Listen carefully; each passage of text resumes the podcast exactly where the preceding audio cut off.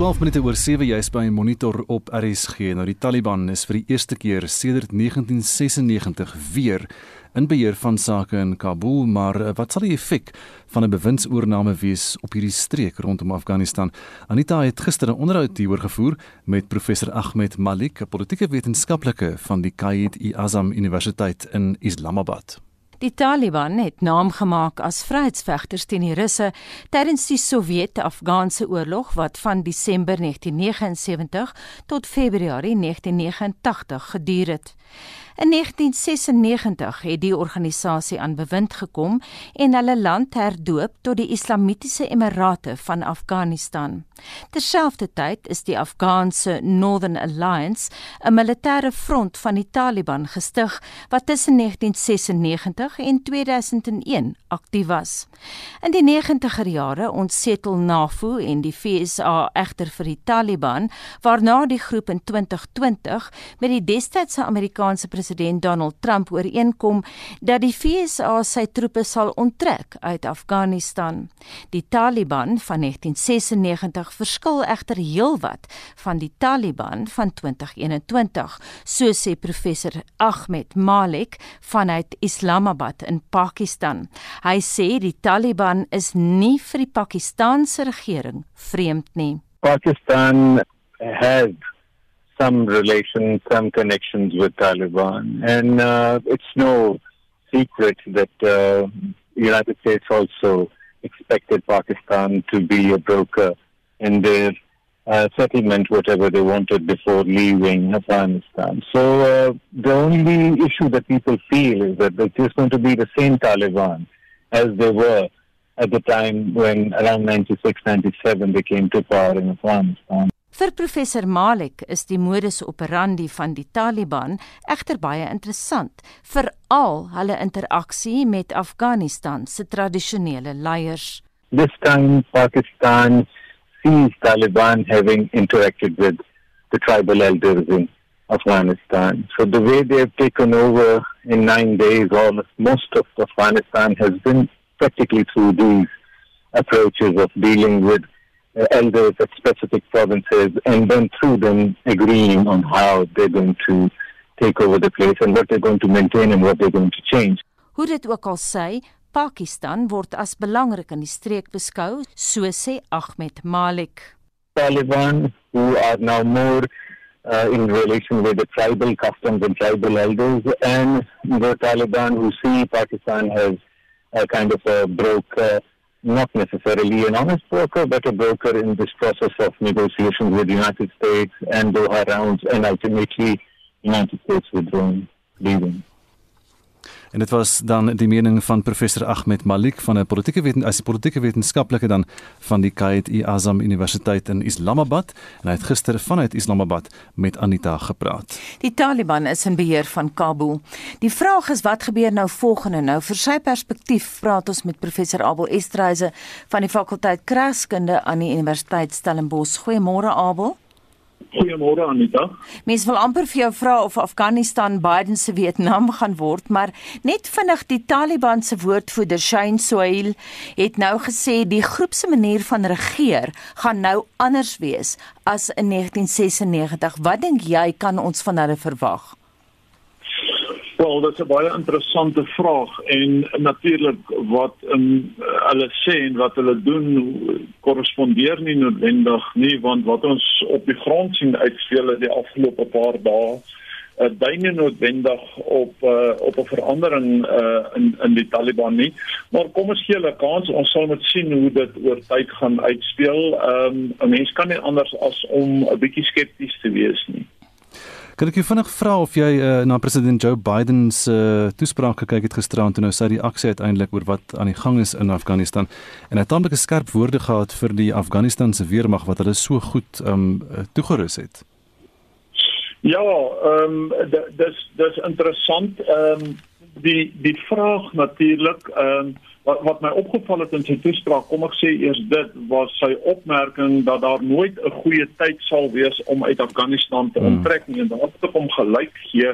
Ehm um, die vraag is natuurlik hoe hulle daai onttrekking hanteer het en saam daarmee die die kritiese vraag wat hang rondom die totale disintegrasie van die Afghan weermag oor die die afgelope paar weke uh, wat totaal teen die verwagting in in in ingaan en ek dink ons kan spekuleer oor waarom die die Afghaanse weermag uh, so vinnig uh, gedisintegreer is. En ek kan 'n paar woorde daaroor sê as jy wil Ek dink jy moet want ek wil terugkom na die punt wat ons vroeër in monitor gemaak het. Die Amerikaners het 88 miljard dollar oor 20 jaar spandeer hmm. dit net aan wapentuig. Hier kom die Taliban. Hulle neem alles oor met 'n paar Toyota trokke, maar nou het jy na die vorige onderhoud met professor Ahmed Malik geluister in uh, Pakistan en hy het gesê vir hom as dit interessant, een manier van wen, hulle, hulle derentyd het die Taliban met die tradisionele leiers van elke stad en streek gepraat, soos wat hulle hulle weg na Kabul toe gevind het? Ja, ek ek dink die punt wat 'n mens hier moet maak uh en en wat weer eens bewys is hier is dat tegnologie is belangrik in oorlog Anita, maar maar oorlog gaan nie oor tegnologie nie en geen tegnologie kan opmaak indien daar geen wil is om te vry, te veg nie. So die vraag rondom die disintegrering van die die regeringsmagte gaan eintlik oor uh, die sogenaamde American way of war teenoor die Afghan way of war. Um, en dit wys maar net weer eens vir ons dat oorlog is 'n diepe menslike, sosiale en kulturele fenomeen. Ehm um, die die opmerking wat Ian Cameron vanoggend ook gemaak het met verwysing na Suid-Afrika se veiligheid dat dit is 'n gemeenskapsveiligheid is altyd 'n gemeenskapsgedrewe aktiwiteit. Dit kom uit die mens en dit kom uit die sosiale omgewing waaruit waaruit mense opereer. Die vraag hier is waarom Amerika altyd ehm um, weermagte opbou na na hulle beeld to their image wil ek amper sê en en hulle dit amper baseer op die die Amerikaanse weermagte. Maar daar's 'n gehoor orde vraag ook eh, 'n uh, vraag wat wat hang oor hoekom weermagte deur die eeue groot weermagte statutêre weermagte dit so moeilik vind om vir ongereelde oorloë uh, voor te berei. En hier is 'n groot les vir Suid-Afrika wat wat Mosambiek aanbetref dink ek. Uh, gepraat van die Taliban weer soos ons nou begin in die gesprek begin het in die gesprek vanoggend oor hulle. Dit was gister baie simbolies. Um, Al Jazeera het die beeldmateriaal gewys waar hulle in die president se kantoor instap daar in die presidentsiële paleis en letterlik die plek oorneem. Is die Taliban van vandag anders as die Taliban van 1996? Kan 'n mens iets meer modern verwag dat hulle die plek gaan beter regeer met 'n buitelandse beleid? Ja, dis dis 'n baie baie moeilike vraag om te beantwoord. Uh ons kan ons het eintlik net die die strategiese ehm um, kultuur wat hulle tot nou toe gedemonstreer het uh, tot ons beskikking as as verwysingsraamwerk om die vraag te antwoord. Hmm. So hulle in die, in die toekoms hulle self gaan plooi in in regering ehm um, is is nog nie baie duidelik nie. Ek dink vir die beste en en vir buitelandse moondhede in die algemeen hmm. ehm um, is die vraag uh, een van hoe ons 'n hefboom effek oor die Taliban gaan gaan uitoefen en of ons die militêre, ekonomiese en diplomatieke 'n hefbome in plek het om indien hulle hulle self nie ehm um, uh, wil ek amper sê inrig om die die 21ste eeu se manier van doen te omarm nie hoe hoe ons uh, invloed kan uitoefen oor hulle om om om 'n mate van dwang toe te pas. En ek dink dit gaan problematies wees want daar's baie baie min ehm um, leverage is die Engelse woord op op die oomblik oor die Taliban Net op 'n ander vlak, eh, Abel, het jy gister gesien die Apache helikopters wat mense op die aanloopbaan van die lughawe in Kabul moes verjaag sodat die vliegtye hmm. kon opstyg en land. Ons weet meer as 60 westerse lande het in 'n gesamentlike verklaring gesê alle Afghaanse burgers en buitelanders wat wil pad gee moet toegelaat word om dit te doen, maar dit is op die oomblik chaoties daar.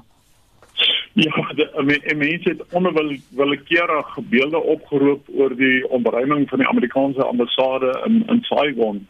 Ehm um, die die vraag daar vir die Amerikaners in in in vir die die onttrekkende westerse mondhede was natuurlik hoe om die die optimale taktiese hantering van die die ehm um, onttrekking op die lughawe te doen Ehm um, hulle het beperkte vliegtye tot hulle beskikking gehad en uiteraard was die prioriteit hulle eie ambassade personeel, media en en en ander burgerlikes.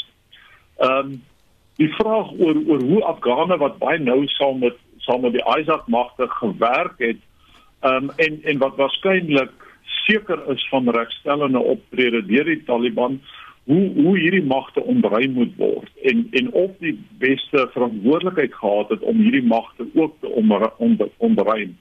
Um en en wat hulle aanbetref wat ons niks anders as hartseer beelde sien uitspeel nie.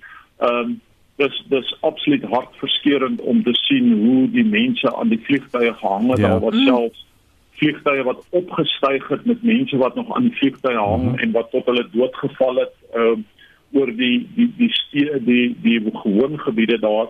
Ehm um, en en dit is absoluut hartverskeurende. Ehm um, en ek dink die die die die Weste gaan nog lank histories herkou oor wat gister op die lughawe afgespeel het. Maar jy het nou verwys na Saigon, gaan Afghanistan Biden se Vietnam word.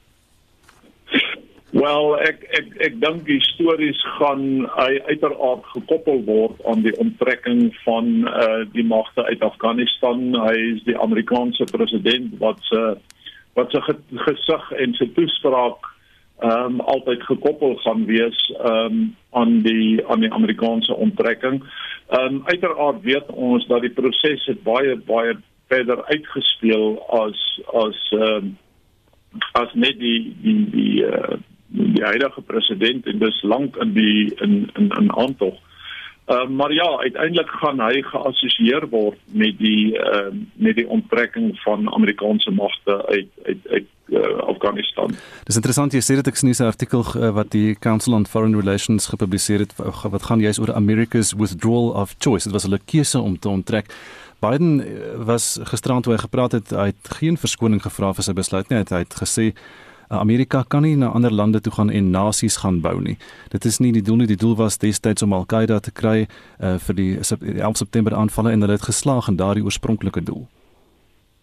Ja, ehm um, die die vraag is uh, waarom het hulle dan nie onttrek na die die oorspronklike doel bereik is nie. Jy weet hulle het die hulle het geen probleem gehad daarmee om om die afgelope 20 jaar in in uh, Afghanistan rond te hang onder die dekmantel van van nasiebou en en die opbou van die Afghaanse samelewing. En hulle het inderdaad goeie werk gedoen. En ek meen as 'n mens moenie moenie afbreek doen aan wat die Amerikaners en die ISAF magte probeer doen dit nie. Maar die vraag is ehm um, wat presies het hulle daar gaan doen? En dis 'n kritiese vraag wat ek dink ehm um, groot moondhede baie baie duidelik oor moet moet besin uh indien hulle betrokke raak in in in uh, die ontwikkelende wêreld. Ehm um, en ons het deur die voor deur die uh, geskiedenis al gesien hoe groot moondhede hulle hande verbrand in in hierdie tipe van situasies en ons gaan dit weer sien in die toekoms. Ehm um, want op die op die ou einde dring die ontwikkelende wêreld ook aan op die betrokkenheid van van groot moondhede en en supermoondhede maar dit speel nie altyd goed uit nie. Ehm uh, die vraag wat ons lank oor gaan besin hier en wat in in die die FSA nog lank gedebatteer gaan word dink ek is wat presies was Amerika se doel in Afghanistan? Wat wou Amerika in Afghanistan bereik? En ons praat nou altyd oor Amerika, Maar daar's ander lande ook. Duitsland het gister sy eh, vliegtye ingestuur om sy mense te gaan help. Brittanje is natuurlik 'n groot bondgenoot van Amerika en uh, die mense in Brittanje is ek moet nou diplomaties te stel die Josie in want hulle wil weet hoekom het ons kinders gaan sterf in daai land. Ja, die die die die vraag hier natuurlik ehm um, uh, is rondom Amerika het 'n 'n tipe van lead nation rol gespeel. Uh, ons kan dit nie ontken nie en en al hierdie mondere het betrokke geraak na aanleiding van ehm uh, die Amerikaanse uh, leidinggewende optrede in Afghanistan. So ons kan dit nie on, ontken nie. Maar maar die vraag waarmee ons nou gekonfronteer gaan word, dink ek, is hoe uh, die die weste in in die toekoms by Afghanistan betrokke gaan wees. Hmm. Ehm um, en hoe ons daardie verhouding gaan sien uitspeel in die toekoms. Want ons moet dit koppel aan 'n aan 'n dieper liggende ehm um, konflik wat wat in die islamitiese wêreld aan die aan die aan die orde is en wat eintlik in Afghanistan uh, nou na vore kom is die die die diepe spanning wat daar is tussen tradisionele islam en en die meer moderne uh, islam. En en presies hoe islam dit binne eie geleedere uh, gaan hanteer en hoe die weste by daardie konflik positief betrokke gaan raak. Kom ons kyk na die effek op die buurlande. Dis een van die redes hoekom ons gister met professor Ahmed Malik gepraat het in Islamabad. As mens nou teruggaan na die Sowjet-Afghaanse oorlog wat in Desember 79 begin het, dit het geduur tot 89 Februarie 89. Maar ek was self in Peshawar in die Northwestern Territories van um, Pakistan en daar het hulle ek was daar in 2013 en hulle het 'n vlugtelingkamp daar gehad Abel wat hulle hulle al opgerig het in Desember Januarie 1980 en van daai vlugtelinge dit het 'n de facto dorp geword. Hmm. Nou het ons self gister gesien hoe wil duisende Afghane vlug en hulle gaan na die buurlande toe. Hoe gaan daai buurlande alles hanteer? Ja, Anita, ek ek dink wat wat ons hier vir mekaar moet sê is ons het hier te doen met die tipiese oliekol uitdringende uh effek omdat Afghanistan self is die die die eerste entiteit wat geraak gaan word deur die oorneem van van die Taliban en die, en die regering daar. En en die tweede tipe van kring van effek wat ons gaan sien gaan uiteraard uitspeel in in die buurlande rondom ehm um, rondom Afghanistan en en en daar gaan ons 'n interessantheid uh, sien omdat ons aan die een kant gaan sien montere wat wat eintlik vir hulle eie veiligheid uh die grense met met Afghanistan so so toe as moontlik wil hou en gaan hou en ek kan maar hier dink aan Rusland en China. Ehm um, terwyl lande aan die ander kant ehm um, waarskynlik gaan gaan help en wil help. En en hier gaan Pakistan waarskynlik die die aan die ontvangkant wees van geweldige hoeveelheid vlugtelinge en ons gaan ehm um, 'n uh, humanitêre krisis sien uitspeel hier uh, veral as die Taliban uh, nou met regstellende optrede kom en en as die Taliban ehm um, gaan hard toeslaan op op mense wat ehm um, saam met die Amerikaners en die ISAF magte gewerk het. So uh, geen twyfel dat die buurstate direk geraak gaan word en dat hulle prys gaan betaal nie. Maar ek dink ons moet ook dink aan die derde uitkringende effek en en en die derde ring van effek as ek dit so kan sê en hoe dit gaan uitspeel in in die breër internasionale gemeenskap. Ehm um, veral dink ek uh, in die weste en in Amerika want baie van hierdie vlugtelinge ehm um, gaan waarskynlik uit uit Pakistan vlug met die idee van ons het saam met die Amerikaners gewerk, hmm. ons het gesien hoe opereer hulle en en dat ons uiteindelik in Amerika wil ja. opeindig. Ja. Gepraat van die buurlande, daar's baie interessante buurlande, maar Oezbekistan, die, die president Ashraf Ghani is Oezbekistan toe. Uh hoekom is hy daar? Uh, hoekom is hulle bereid om om om te aanvaar daar om gasheer te wees? Ja, eh, dis 'n baie interessante vraag. Ek ek dink daar's waarskynlik ehm um, kulturele faktore wat ter sprake is. Ehm um, daar's waarskynlik ook die on, onderwerksaamheid van daardie streek wat wat ter sprake is en wat dit vir die Afghan uh, Afghane en die Taliban nou moeilik gaan maak om by hom uit te kom en en om hom ehm um, om regstelling teenoor hom op te tree. Ehm um, so ja, ons ons kan spekuleer. Ons sal waarskynlik nooit presies weet nie, maar ek dink dit gaan maar oor sy eie veiligheid en dit gaan maar oor ehm um, waar hy sien hy hy waarskynlik die die die die veiligste gaan wees en die beste gaan inpas.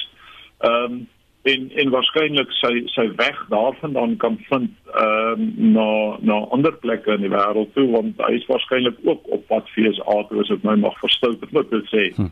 Ons praat volgens met professor Abel Esterhuise van die fakulteit krygskunde by die Universiteit Stellenbosch en Abel as jy net daar kan bly ons gaan net hierna verder gesels.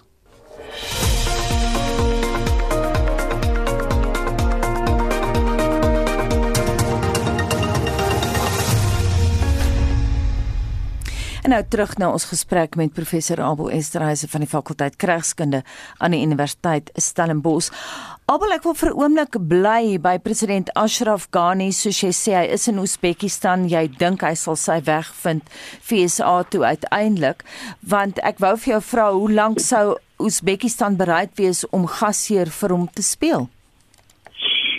Ja, dit dis 'n dis 'n oop vraag. Ehm um, ek ek dink uh, jy weet hy is so in in die in in die ehm um, so die Engelse sal sê in in the public uh domain dat ehm um, om hom nie te akkommodeer nie gaan waarskynlik uh, ook vra na vore bring.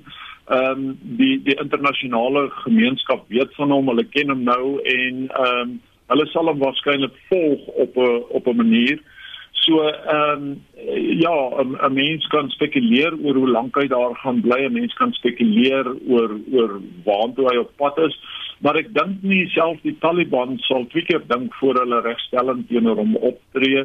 Ehm um, so ek ek dink hy is redelik veilig. Ehm um, ook wat verblyf aan betref en die Amerikaners gaan waarskynlik 'n druk op hulle hê om hom uh, toe te laat en om van asiel te gee as as hy Amerika toe wil gaan. Ehm um, so ja, dis 'n oop vraag tot watter mate toe hy lank daar gaan bly en hoe lank hy daar gaan bly, maar uh, uiteindelik dink ek ehm um, hy is redelik veilig omdat hy so 'n uh, internasionale figuur is en ehm um, hy die die die internasionale media in in die in die in die openbare domein gehou gaan word waarskynlik. Dis nou die internasionale domein, maar wat van die mense in Afghanistan self? Hoe erg is die gevoel teen om daar mense wat voel hy het hulle verraai, hy het net hy het net weggehardloop, maar het hy opsies gehad toe hy sien al hierdie stede begin so te val. Ja, dit bring mense natuurlik uh, uit by 'n vraag na na sy handelingsvryheid en en sy soeke na opsies en en moontlike politieke alternatiewe uh, wat wat tot sy beskikking was en ek ek dink daar's drie faktore wat 'n mens dit al moet oorweeg.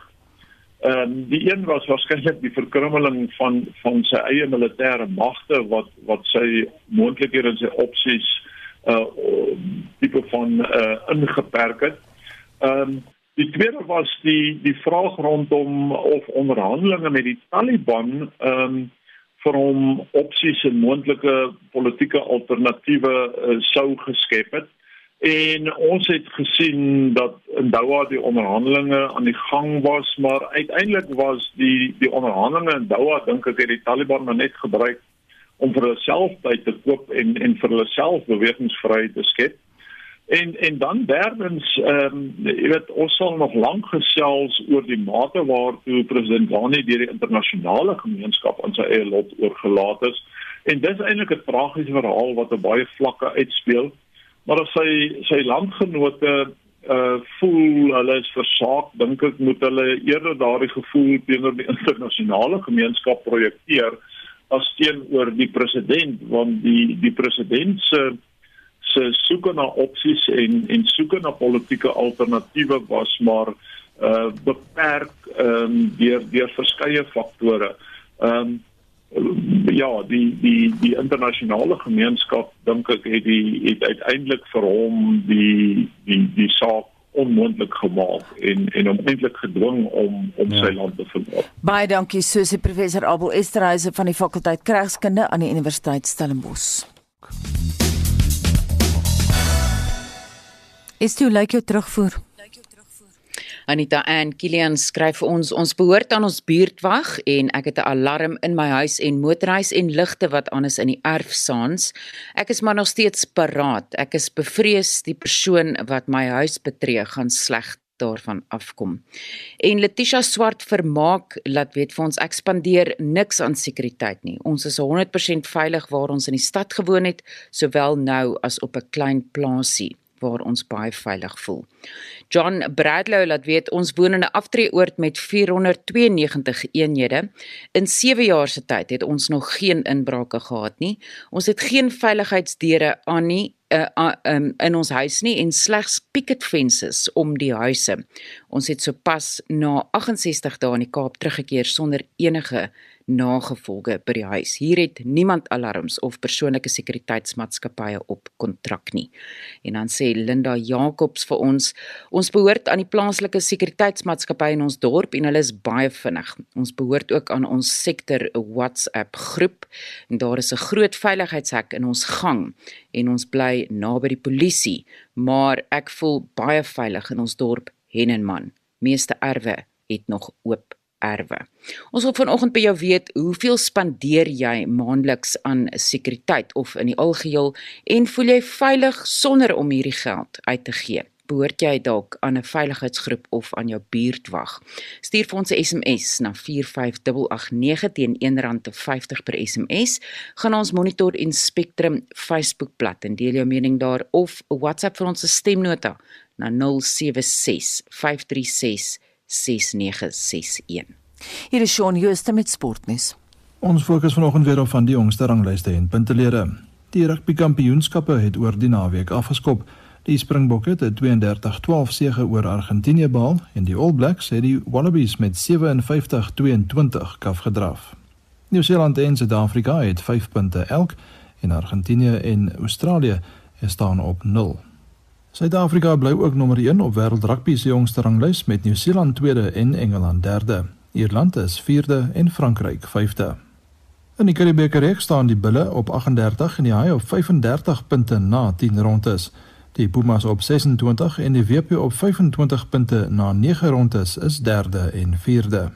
Die Suid-Afrikaanse vroue span het hulle tweede en laaste toets teen Kenia met 29-22 gewen en die reeks ook met 2-0 beklink. Engeland, Nieu-Seeland en Kanada is die wêreld se top 3 vroue spanne en Suid-Afrika is 13de. Cricket. India het Engeland op dag 5 van die tweede toets op Lords vir 120 lopies in hulle tweede beurt uitgeboonder en die toets met 151 lopies gewen. Hulle het ook 'n 1-0 voorsprong in die reeks van 5 toetse geneem. Die Windies het Pakistan ook met 1 paaltjie in hulle eerste toets uitoorlê en kan nie meer die reeks verloor nie. India het nou 14 punte op die ICR se 2021-23 toets kampioenskappe punte leer. Die Windies is tweede op 12 en Engeland derde op 2 punte. In die 100 toernooi in Engeland in die mans afdeling staan die Southern Brave op 11 en die Birmingham Phoenix en Trent Rockets op 10 punte. In die vroue afdeling het die Brave 14, die Oval Invincibles 9 en die Northern Superchargers 7 punte. Sokker. Die Engelse Premier Liga het die naweek begin. Manchester United, Chelsea, Liverpool en West Ham United is die top 4 danksy doelverskil. 10 spanne staan op 3 punte. Tennis. Novak Djokovic van Servië het sy dominansie op die ATP toer voort en is nou vir 'n 334ste week in die nommer 1 posisie. Die Rus Daniel Medvedev is tweede en die Griek Stefanos Tsitsipas derde. Suid-Afrika se Lloyd Harris spring met 3 plekke na 46ste en Kevin Anderson sak met 1 plek terug na 76ste. Die top 3 vroue, Ashley Barty van Australië, Naomi Osaka van Japan en Aryna Sabalenka van Belarus bly onveranderd. Suid-Afrika se Ryan Klassen is 23ste op die dubbelspel ranglys. Motorsport. Die Fransman Fabio Quartararo bly die voorloper op die MotoGP punteleer en het 181 punte agter sy naam. Die Italianer Francesco Bagnaia is nou tweede op 134 en die Spanjaard Juan Mir derde ook op 134 punte. Die Suid-Afrikaner Brad Binder het 'n uitstekende vertoning oor die naweek in Oostenryk gelewer en die wedren in die reën gewen. Hy is sesde op 98 punte. Sy broer Darren is ook sesde in die Moto3 afdeling op 86 punte.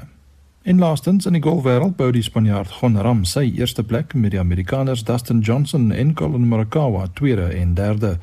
Suid-Afrika se Louis Oosthuizen bly ook sewende. Kerrigigo val met twee plekke na 44ste en Christian Besaidnout met drie plekke na 48ste. Die top 3 vroue is Nelly Korda van die VSA en Jinyanko in Inbi Park van Suid-Korea. Suid-Afrika se Ashley Buy bly 78ste. Shaun Schuster, SAK Sport. Dis nou 17 minute voor 8. Dankie dat jy saam luister na Monitor op RSG. Verskeie Johannesburgse voorstede het die naweek sonder krag gesit nadat die ligte 20 oor 5 Saterdagmiddag skielik afgegaan het. Frustrasie was die inwoners se voorland tydens 2 dae van sekerlik die ergste koue op die Hoëveld. Anita het die volgende verslag saamgestel. Wesdien, oftewel Wyk 69 se DA raadslid op die Johannesburgse Metroraad is Genevieve Sherman wat self 'n bibberende naweek agter die blad het. Sondagmiddag laat het sy haar wijksgenote laat weet dat die privaat sektor ingespring het om City Power te help om die krag weer aangeskakel te kry. Dit was egter 'n hele proses, verduidelik sy. Ek het toe natuurlik nou 'n paar oproepe gemaak en uitgekom by die spesifieke persoon wat ek nou nie graag wil noem nie, wat toe gesê het dat kyk, hy's net so teleeggestel en hy weet nie regtig wat ek kan toe meen nie. Dis 'n persoon in 'n baie hoë pos. En hy sê toe die die grootste probleem hierso is dat hulle nie 'n instrument het, hulle noem dit mega M E G G E R 'n uh, instrument wat hulle gebruik om te toets waar die foute is en natuurlik ook daai foute analiseer en dan natuurlik gaan hulle die probleem oplos. Hy het genoem dat hulle het hulle soek nou al hierdie instrumente en dit reg deur die stad toe. Hulle het nou al aanvraag gedoen op hierdie instrumente nou al vir 2 jaar en hulle word elke keer afgeskiet. Die laaste was nou onlangs toe hulle die MMC Morani gesê kyk kan jy nie vir ons hierdie ding kry nie. Hy sê soos 100 000 rand of so. Dit was weer nie goedgekeur nie. Nou sê jy vir my, hoe is hierdie tegnikuste wat ons verskriklik hardop is? Hoe sal hulle veronderstel om hulle werk te doen wanneer die stad nie in 'n posisie is om seker te maak dat die stad reg geregeer word nie. Ons is natuurlik geskok nommer 1 want hy noem vir ons dat elke depo nodig ten minste 4 van hierdie. Nou hoeveel depos is daar in die stad van Johannesburg? En as hy byvoorbeeld nie eens een het nie en nou moet jy weet die arme mense moet gebesluit het waar die ergste outage is. Hulle het byvoorbeeld Parkers uitgehaal, het Pennyville uitgehaal, hulle het Vredendorp uitgehaal, hulle het Westdene uitgehaal, hulle het Bosmond uitgehaal. Dit het beteken ons as raadslede die een wat die meeste geraas maak, die een wat die hardste skree, dit is die persoon wie nou natuurlik se area help gaan word. Dit is regtig regtig hartroerend om te dink dat ons mense so hanteer word. Anita, en jy weet as ons byvoorbeeld nou nie of ek in hierdie geval, as ek nou nie so jy weet geskree het en sien ons sekere mense gemaak het en letterlik beginne aangaan dat so ek is jammer om te sê maar so 'n hooligan. So ons natuurlik nie die inligting gehad het nie en ons sou gesit het want gesit het vir amper wat is dit 48 uur sonder krag. Dit is regtig regtig um, Anita, ek noem vroeër toe, ek het vir 2 aande kon ek nie reg slaap nie, maar dit is nie die punt nie, die punt is die koudste tyd van die jaar sit ons mense sonder krag. Nee Anita, dit is regtig onaanvaarbaar en ek kan jou waarborg ons as die gaan dit nie so los nie. Wat sê die raad? Hoekom wil hulle nie die geld beskikbaar stel dat die tegniese die behoorlike toerusting kan kry nie? Waar lê die probleem? Nou dit is die 100 miljoen vraag. Ons weet nie. Hy moet antwoorde gee. Hy moet sê waarom wil hy dit nie koop nie? Hoekom wil hy nie dit afteken nie?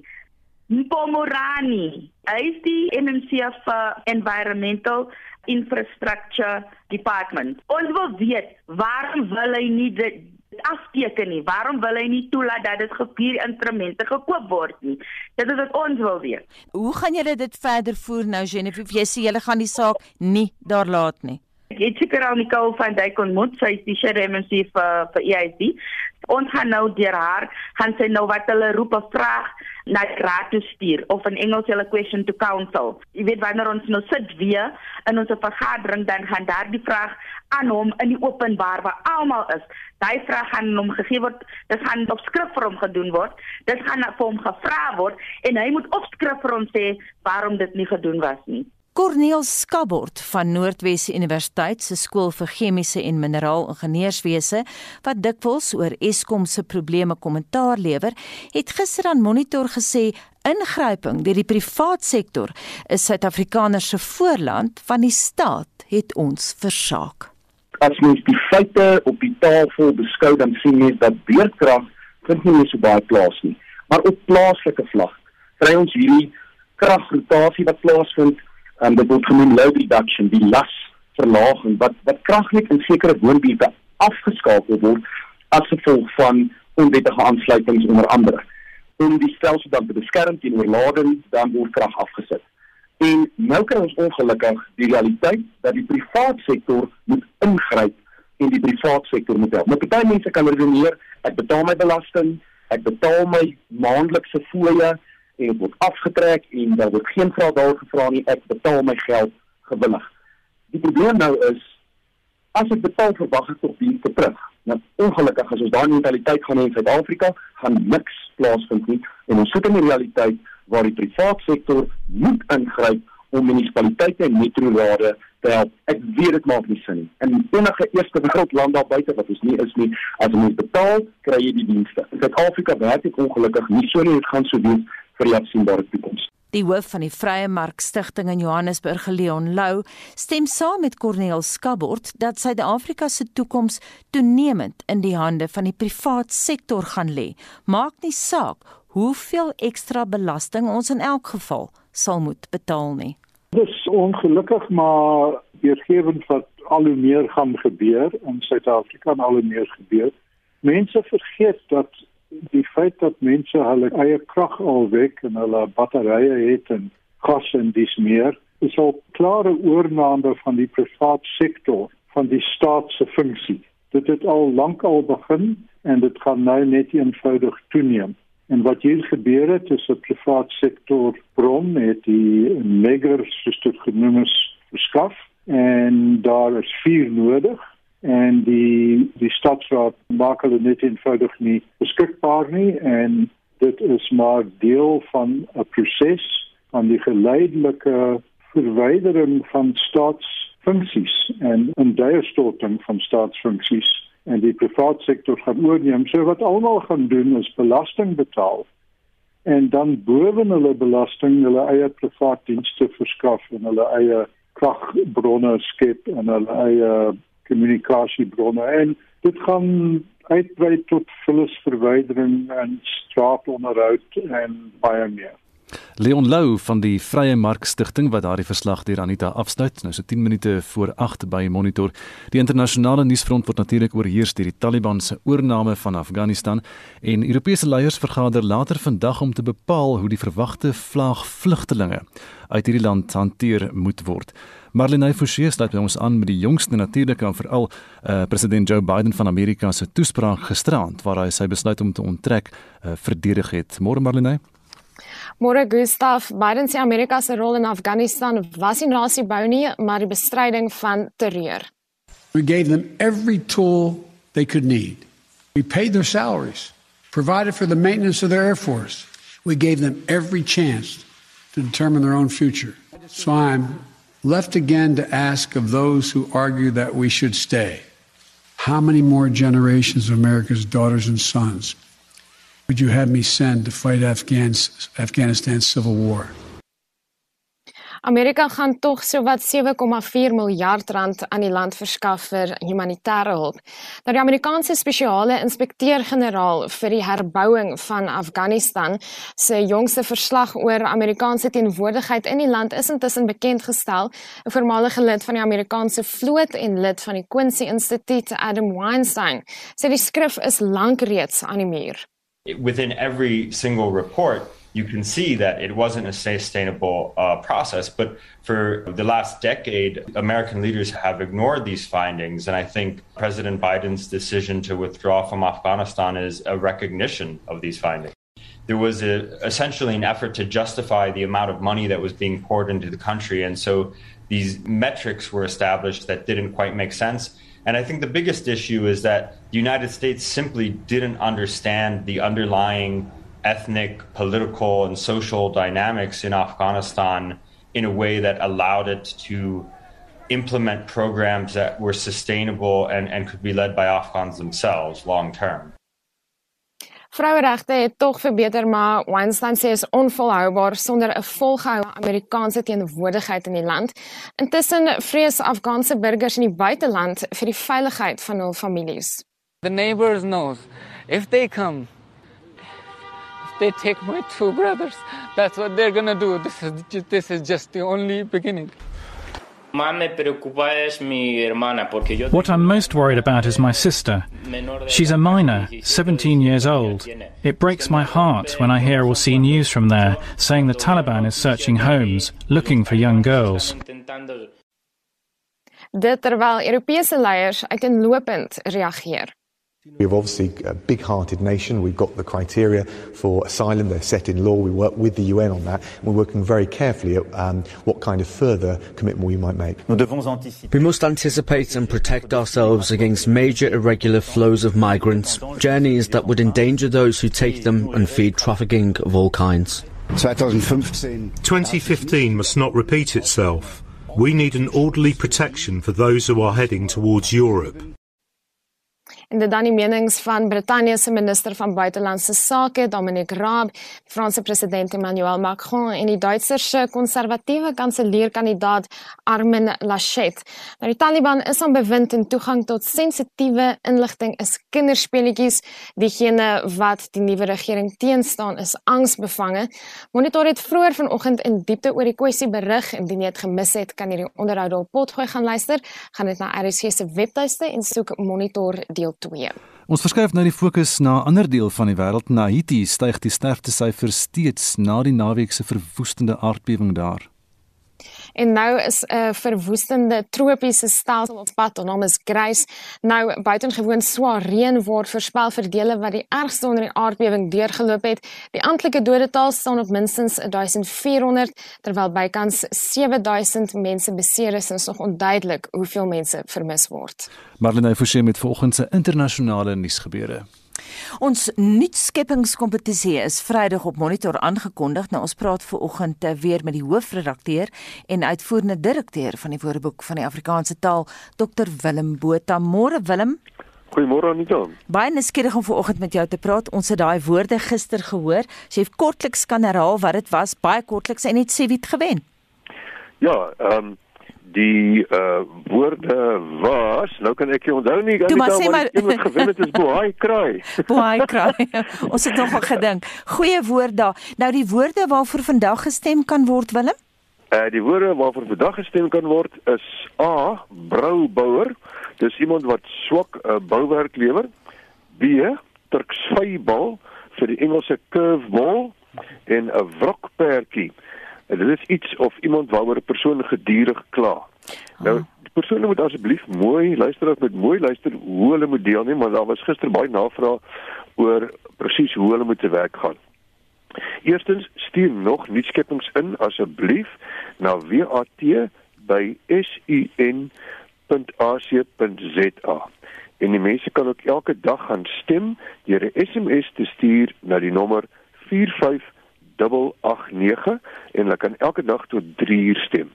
Nou vandag moet hulle stem vir A broubouer, 'n swakbouer, B turksvybal vir 'n curveball en C wrokperdjie, iets of iemand waaroor iemand gedurig kla. Hmm. Nou jy stuur jou SMS na 45889 en jou SMS moet lees woord A of woord B of woord C. Jy moenie sê A broubouer nie. Jy moet sê woord A of woord B vir Turksvybal of woord C vir Wrokbergie. Nou jy het gister gepraat van die pryse Anita, elke dag wen iemand R500 en meer Kalipou wen vandag R500 want hy het Bohai kraai ingeskree ingestuur. Dis iemand wat oor enigiets se Bohai opskop. En dan Vrydag kondig ons die groot wenner aan en dit is 4 nagte vir 4 mense in 'n ATKV oord van die wenner se keuse. Ja baie dankie dit aan Dr Willem Botha, hy is hoofredakteur en uitvoerende direkteur van die Woordeboek van die Afrikaanse taal. Is die laaste kans om vir ons van die luisteraars se terugvoer te gee. Anita Annie van Sail Knoesen skryf vir ons ons betaal maandeliks vir sekuriteit. Ons het diewering en 'n alarm binne en strale buite ons huis. Ek betaal ook die buurtwag van tyd tot tyd. Daar is kameras in ons buurt. Ek voel net veilig wanneer die buitestrale aangeskakel is. Ek het 'n klein hondjie in my huis en 'n veiligheidshek voor my slaapkamer deur. Dit is duur om dit alles te onderhou. En Bets Ferreira sê in ons groot huis het ons palissade heininge laat oprig en aan 'n reaksie mag behoort en dit was omtrent R800 per maand. Ons erf het strale en ligte gehad, ons het 'n alarm en baie diewering en eh, honde gehad. Ons woon nou in 'n aftreeoord waar 'n ander sekuriteitsmaatskappy ons oppas en dis deel van jou maandelikse fooie. So veiligheid is duur, maar baie noodsaaklik. En Eric Cole beskryf nadat ek R58000 verloor het met 'n inbraak, met 'n inbraak terwyl ek reaksie mag beskerming gehad het, het ek nog nooit weer beskermingsdienste vertrou nie. Baie dankie vir jou terugvoer vanoggend. Dis 'n minuut voor 8, Marinay, wat is alles op die dagboek vir Spectrum om 12:00 vanmiddag? Staatsdiensamptenare word ingelig dat hulle aanstaande maand hul salarisverhoging soos ooreengekom sal ontvang. Ons hou die situasie in Afghanistan dop en ons vra of Eskom genoeg geld het om met Dupi die kragstasie te herstel en of Suid-Afrikaners hoër tariewe hiervoor gaan moet um, betaal. Dit vanmiddag tussen 1 of nie eerder 12 en 1 op RSG. Onthou vorige uitsendings van Monitor Spectrum naweek aktueel en kommentaar is op RSG se webblad as 'n potgooi beskikbaar gaan na www.rsc.co.za. En dit is ons program. Ons uitvoerende regisseur is Nicoline de Wet, ons redakteur Wessel Pretorius en ons produksieregisseur vanoggend is Daitrin Godfrey. Ons is môreoggend om 6uur terug. Ek is Gustaf Greiling en ek is Anita Visser.